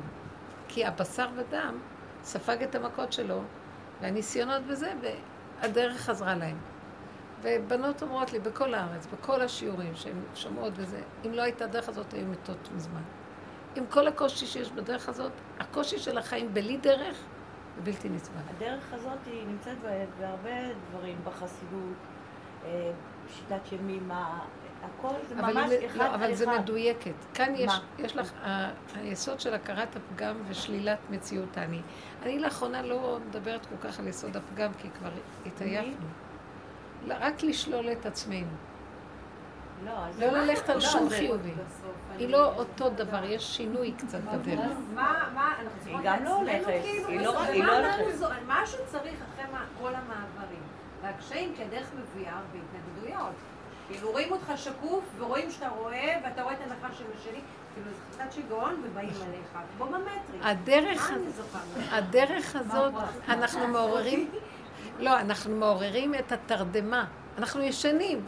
אז אם אנחנו ישנים ולא מפריעים לסמית הזה של המטריקס, אז הוא לא אכפת לו מאיתנו. ברגע שאנחנו כבר מתחילים אה, לדקור אותו, אז הוא מתעורר עלינו. אז אנחנו צריכים לדעת להיזהר.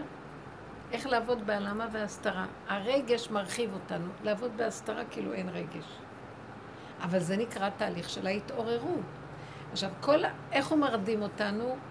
חיוביות מרדימה מאוד. אני מותק, אני זה, אני הגעתי, אז מישהי אמרה לי, היא, סיפ... היא באה לשיעור בבני ברק, ומישהי חדשה, והיא התחילה לדבר, ואז היא סיפרה שהיה איזה כיסא, כאילו בעבודה שלה, שהיא שמה עליו עין והחליטה שהיא תשב עליו, אז היא סחבה אותו מאיזה מקום וסידרה אותו וזה וזה, וישבה עליו. אבל היא עבדה עליו איזה של- שלושה ימים שהוא יהיה ממש מסודר וטוב לישיבה. היא באה למחרת, אז היא רואה שמישהי אחרת לקחה את הכיסא שלה, כן, ואז היא מספרת לנו שהיא התבוננה בעצמה, בהתחלה היא כעסה, וזה כל הדרך שהיינו פעם עובדים. כמו שאת אומרת שיש מודעות לדברים. והיא התבוננה בעצמה. דרך אגב, מכל העבודה שעשינו, העולם מתעורר וגם עושה את העבודה. מתבוננת ואומרת, טוב, אז מה את מתרגזת? כי את חושבת שזה שלך, וזה אף פעם לא היה שלך באמת. אולי זה היה הכיסא שלה קודם, והיא לקחה אותו, ואת חשבת שזה פנוי סתם. אז, אז התחילה לאט, לאט, לאט, לאט. היא, היא אומרת, הגעתי למקום שאפילו פתאום הוצאתי חבילת שוקולד ונתתי לה, ואמרתי לה, תתכבדי, ולא היה לי שום כעס עליה. הייתי בשמחה, והרגשתי איך שאני התגברתי על הכעס שלי, ואיך שהצלחתי להגיע למודעות שבאמת אני עוד מלמדת זכות, ואני אה, תפסתי את המהלך שלי נכון, וזה עשה לי שמחה מדהימה. אז אמרתי לה, הנה, את רואה? עכשיו בשביל זה הגעת לשיעור שלנו. כי ברגע שאת, זה מה שעושה הסמית של, של התוכנה הזאת. אז את רוצה, את מתעוררת. תראי את עצמך איך את נראית. אז תראי שאת חושבת ש... ש... בואי קראנו לזה שמות, קניינות, בעלות, יש לי התרגשות, לקחו לי את מה שאף פעם לא היה לי, והדמיונות שלי והכל, ואני רואה וקוראת לזה טק, טק, טק, הנה השקר, הנה השקר. בסוף, היא עוד אומרת, בסוף, הוא גונב אותך בשיא, הוא, הוא רואה שאת עושה עבודה, והלוא הוא יודע שאת יכולה לבוא להימלט מהתוכנית הזאת, אז מה הוא יעשה לך? הוא יגנוב אותך ברגע האחרון וייתן לך סיפוק וריגוש והצלחה והרגשה של ישות חיובית לעצמך, ובזה הוא אמר, הנה, סידרתי אותה והלכתי. היית רגע אחד לפני נקודת האמת. להישאר ולהגיד, אני לא מסוגלת, אני זה היא. מה אני כועסת עליה? אני לעולם אשאר בזה ולזה. התוכנה הזאת מביאה אותי תמיד למקום שאני לא יכולה לסבול שיש למישהו משהו וזה לא שלי. וכן הלאה וכן הלאה וכן הלאה. מה היא עשתה? בסוף היא לקחה את כל מה שהיא עשתה והיא סידרה לעצמה מדרגה, כיסא, זה, ויצא, וואו, את רואה? הגעתי למקום שיכולתי להתגבר והייתי זה. אמרתי לה, עד הניסיון הבא שעוד פעם תיפלי, ועוד פעם תחפשי איך את יכולה, ועוד פעם, כי הוא, מל... הוא לא ייתן לנו להימלט מפה, אז הוא יסדר לנו הרדמה. חיוביות, והרגשה טובה, ומדרגה, ומיליון שקל, והצלחה. אני זוכרת שהייתי אומרת בהתחלה, שמי שהולך לו בעולם הזה חשוד מאיפה בא לו ההצלחה. כל אלה שהולך להם פה, הם שייכים לסמית הזה. הוא מסדר להם הכל, רק תשנו טוב פה. ואלה ש, שבדר, שהולכים עם הדרך הזאת, היא לא פשוטה. זה כאילו... אז לכן צריך מאוד מאוד להיות בקטנות והסתרה. קטנות והסתרה. כל הזמן קטנות והסתרה, וזה המקום ש... כי ברגע שאת נגנבת לאגו שאת חיובית במשהו, אז את בסכנה של גילוי. כאילו לא אכפת לך, איך שזה ככה. עכשיו, שלילת המציאות העצמית זה הסוד של יציאה מהתוכנה. זה מאוד קשה לעשות את זה, לשלול את מציאותנו. מאוד קשה להישאר תמיד בשלילה. אפילו כל העבודות שעושים בעבודיות הן גדולות, והם יודעים לפרק במוח גם כן והכל, ומבינים, נשארים בגדר ההבנה. ההבנה זה מידת הבינה. זה נותן שמחה לאדם, אבל האמת, 500 שנה הבדל מן ההבנה לאמת. כי באמת אין לך הבנה, אין לך השגה, את לא יודעת, את תקועה, את לא יודעת איך לזוז, אנשים יוצאים מפה ממש שחוטים. כן, תקבלי את זה וזה מה שאני. זה מהלך אחר לגמרי, ההבדל בין האימא לבת, מה שאני אומרת. עכשיו אנחנו עובדים על ההא הראשונה וההא השנייה של שם הוויה. ההא הראשונה זה בכל הדורות היה האימא, ומידת ההבנה. האימא היהודייה זה מושג. עכשיו זה הבת. הבת מלך של רבי נחמן. תמיד הוא מדבר על הבת מלך, ואיך גואלים את הנפש את מלך. זה המקום הזה. אז זה ילדה קטנה, אין לה כוח, אין לה יכולות, אין לה הצלחות, לא הולך לה כלום. היא יושבת בפינה ומישהו יקום ויגאל אותה. אפילו לגאול את עצמה היא לא יכולה. היא רק צריכה להכיר שהיא לא רוצה ללכת בשקר של הגדלות של הבינה. זהו. אל תלכי בשקר של הפרנסות. אין, יש לי נשימה, רגע, לא חסר, תודה רבה והכל בסדר. תהיי שמחה ותהיי יצירתית. תהני מהרגע שלך הרגע. והוא ייתן הכל. תדברי, תפתחי את הפה, תדברו אליו. למוח של עץ הדת זה נש... הדרך אה, מסתמנת כפסיביות. נכון, פשוט. שזה כאילו פחד אימים ל... כן. שאני לא אהיה משהו. אה, הפרשת... לא, שאני לא אפעל. נכון. כן. פרשת עקב, שבוע שעבר הייתה. זו פרשה שמדברת, זו פרשת היראה. זו פרשה שמדברת על היראה של האדם מבורו ועבודת השם. וכל העבודה שלה עקב, כן, תשמע, זה עקב תשמעון ועשיתם את כל ה... זה הענווה זה העקב, הפשטות של האדם והכלומיות שלו, זה העקב. בפרשה הזאת יש מצווה וזו תשובה בשביל מה שאת אומרת. והיא, אני שאלתי אותה במשפחה, איזה היא, איזה היא מצווה שהיא הכי פסיבית? איזה היא מצוות עשה שהיא הכי פסיבית והיא בשב ואל תעשה? איזה, תגידו לי איזה מצוות עשה שהיא פסיבית והיא בשב ואל תעשה. זאת אומרת, ישב אדם ולא עשה שום מעשה, מקבל, הכתוב לא. אומר, הוא קיבל מצוות עשה. לא תחמוד. לא, ואהבת לא. עשה? לא. ואהבת זה פעולה של אה, חיוביות, עשייה. עכשיו, זו המצווה הזאת. מצוות היראה קוראים לזה. את השם אלוקיך תירא, אותו תעבוד. בוא תדבק ובשמו תשבע. זה נקרא מצוות היראה. ישב אדם ולא עשה עבירה, נותנים לו כאילו קיים מצוות עשה של היראה. זה נקרא מצוות עשה. את השם אלוקיך תירא, אותו תעבוד, בוא תדבק ושמו תשבע. תכף נפרק מה זה שלושת, ארבעת הדברים האלה. אבל בוא נגיד, אדם לא עשה שום דבר, הוא רק ישב ולא עשה עבירה, מיד נותנים לו עכשיו מצוות עשה של היראה. הבנתם מה אני מדברת? לא. הוא לא עשה שום דבר, הוא יושב, נניח פה אנשים מדברים לשון הרע, והוא החליט שהוא לא אומר לשון הרע, הוא יושב. הוא לא עשה שום מעשה. עכשיו, כותבים לו בספר המצוות שהוא עשה מצוות היראה. את השם אלוקיך תירא, שהוא מתיירא מה יצא מהתוכנה של עץ הדת שלו, הוא מכיר כבר את עץ הדת, הוא מכיר את המציאות שלו, הוא יודע איזה סכנה הוא חי פה, ובשב אל תעשה עדיף לו. כי כל טיפה של איזה תנועה לתוך... כי, כי עץ הדת כל הזמן גורר אותו, בוא תעשה, בוא תפעל, בוא זה, בוא, כולם רצים, זה הרצונות, זה... תראו איך נראה כדור הארץ. העכברים מסוממים מהבוקר קמים ועד הלילה רצים, עד שלוש לפנות בוקר, המכוניות, אנשים אין להם מנוחה. ואתם יודעים כמה עבירות עושים תוך כדי זה ש... יותר טוב ללכת לישון, אז לא עושים עבירות. אין כזה דבר שיום כזה לא יהיה. אז אתה כל הזמן באינטראקציות עם אנשים, ועסקים, ורצונות, ודיבורים עם בני אדם, ותקשורות, ומה לא, וכספים. בטח שאדם יעשה עבירות. נו. עכשיו, האדם הזה שיושב ואומר, לא, אני לא רוצה להתערבב עם המציאות הזאת. את השם אלוקיך תירא, כי הוא רואה את התוכנה והוא מפחד ממנה. את השם אלוקיך תירא. אותו תעבוד, תעשה עבודה פנימית, תעצור. זה נראה לך פסיביות. עץ הדת אומר, איזה פסיבית, היא לא מדברת, היא לא משתתפת ב... בשיחה שלנו. אם מישהו היה לוקח מצלמה ומצלם אותך, מה קורה לך בפנים? שיא האקטיביות. מלחמה. אני אגיד, אני לא אגיד, אני כן זה, "אה, אבא תרחם עליי, תעזור לי, ואבוי לי, אוי לי, כי נתניתי, כל הרגע יכול לבוא... את יודעת מה זה? זה אויב השם הכי גדול שיש בעולם. אין יותר עובד ממנו. והוא לא, כלום, כלפי חוץ לא זז כלום. מה את חושבת? ידיים ורגליים זה נקרא? עבודה היא פנימית. וכלום לא שהרב נק- אמר שאול לעובדו בכל לבבכם. איזה ממש. עבודה שבלב זאת אפשר לשים את הפסיק במקום אחר. איזה עבודה שבלב, זאת תפילה, זה העבודה, לא לעבוד. זה- לא לחשוב זה- שהעבודה חיצונית. זו עבודה גדולה שהיא לא, זאת נפש. יש עבודת גוף ויש עבודת נפש.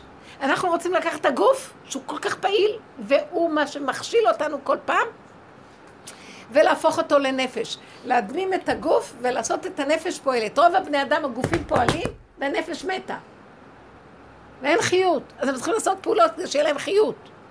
ואנחנו אומרים, לא, תעצרו את הפעולות, את האנרגיות לשמר ולהתחיל להתבונן ולהפנים ולפתוח תודעה חדשה, וזו התודעה של הדרך הזאת. זאת, זאת עבודת התשובה שאליהו הנביא יבוא להראות לנו, כתוב שאליהו הנביא יבוא להראות לנו לעשות תשובה. זו לא התשובה של תעשה ככה ואל תעשה ככה, זו תשובה לשוב לשורש הנכון. עכשיו גמרנו גם עם אליהו הנביא? כן? אז למה הוא לא? אליהו הנביא פה. אליהו? עכשיו, אני אגיד לכם, יש? חידושים, אני לא אומרת את זה, כי השאלה לא נשאלה. עכשיו. נגמר עבודת מחיית עמלק, איזו עבודה הזאת, שזו עבודה פנימית של למחות את עץ איך הדעת אנחנו הזה, יודעים את זה? כי ש... נכון שאמרתי לכם, תסגרו, נחושת! כן.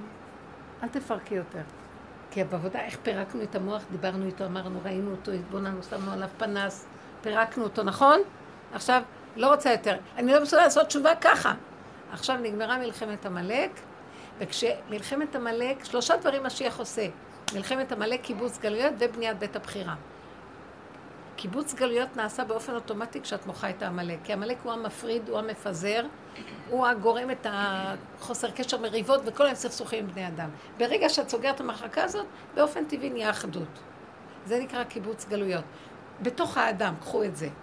המוח שלו, זה, זה הגוג ומגוג שלו, עמלק נופל, יש לו עכשיו אחדות עם עצמו. הוא לא כועס על עצמו, הוא מקבל את עצמו איכשהו. אני אמרתי, סגור! הלכתי לישון טוב, התאחדתי עם כל החלקים שלי, לא ירדתי על עצמי, לא ביקרתי את עצמי, לא אכפת לי כלום, לא היה ולא נברא ולא כלום. שקט. זה אחדות, זה גילוי מלכות, המלך. מה זה מל... אחדות? זה המלך מופיע, מלך המשיח, מלך.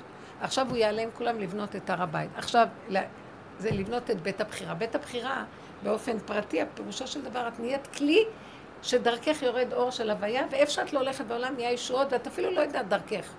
אתם יודעים את זה? והשם רוצה כאלה אנשים בעולם. שהם לא יגנבו ויגידו, אני, בזכותי פועלים ישועות, ישר זה נגנב. לא, לא יודע כלום, הוא האדם הכי פשוט שבעולם, הוא לא, הוא לא יודע אפילו מי הוא. ולא אכפת לו גם. והאדם הזה עושה, דרכו נעשים יש, הוא, הוא כבר נושא כליו של משיח. משיח, זה משיח קטן, זה משיח קטן, זה משיח קטן. שמעת? כן. ואל תחפשו גדולה וכבוד ו- ו- וכותרות, ואנחנו משיח קטן בעולם של השם. ועכשיו משיח בא, הוא רואה אותך, אותה, אותה, אותה, אותי, הוא אומר, בואו, אתם שייכים לי, מבינה? אנחנו עוזרים לו, כי לא יקבלו אותו בעולם בקלות. זו תודעה אחרת, הבנתם מה שאני אומרת? זהו. זאת העבודה שלנו, ולכן עכשיו העבודה היא לא להיכנס במוח הזה ולהתפלפל איתו מדי, אלא לי... כי תרגישו שכבר אין כוח לכלום. יש לך כוח עוד לסבול את החרדה הקיומית? תגידי, את מפגרת? אין לך מה לעשות? אי אפשר לסבול. רגע, אז מה? גם התשובה של אליהו הנביא כבר נגמרת. עכשיו זה רק זמן של גילוי משיח, כי כתוב שלושה ימים קודם משיח אליהו בא. זה שלושה ימים, זה שלוש המצבים שלנו. אז הוא אומר, עשה טוב, וקו האמצע, מה שדיברנו. ימין ושמאל תפרוצי ואת השם תריצי. נגמר העבודה הזאת גם כן. עכשיו זה המקום של הגולם, אין לו כוח לכלום, תש- תשישות איומה, אין לי כוח לכלום, אני מושיטה את היד ועושה פעולות, וסיבות, ודווקא שמח לנו בפשטות. שמח בפשטות. אני ראיתי שבועיים אנשים אצלי בבית, נכדים, ילדים, וכל הזמן הפיות פתוחים, וכל הזמן זה לקנות ולהביא ולסדר ולעשות ולבשל. והשם נתן לי, ואני לא יודעת איך. איזה חן לבשל להם, לתת להם בשמחה כזאת, ולקנות ולהביא ולתת.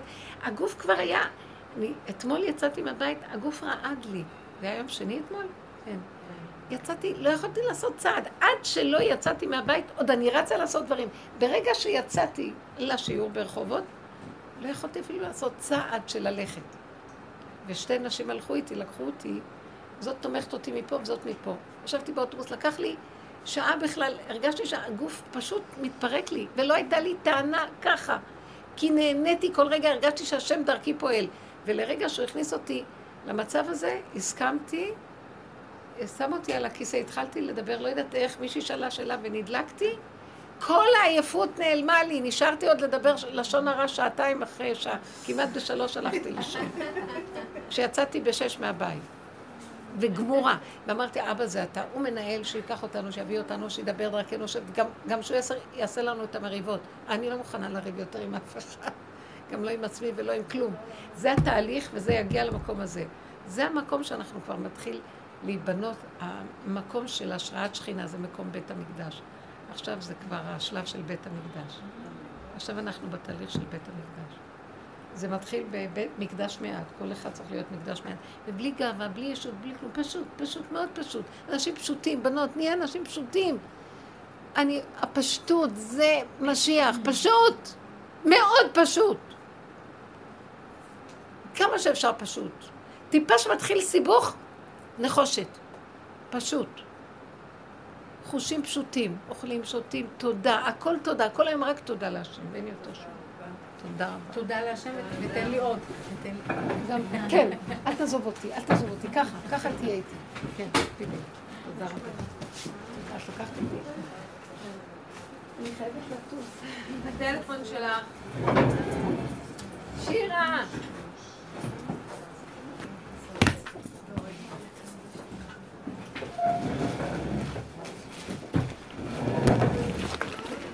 תודה רבה.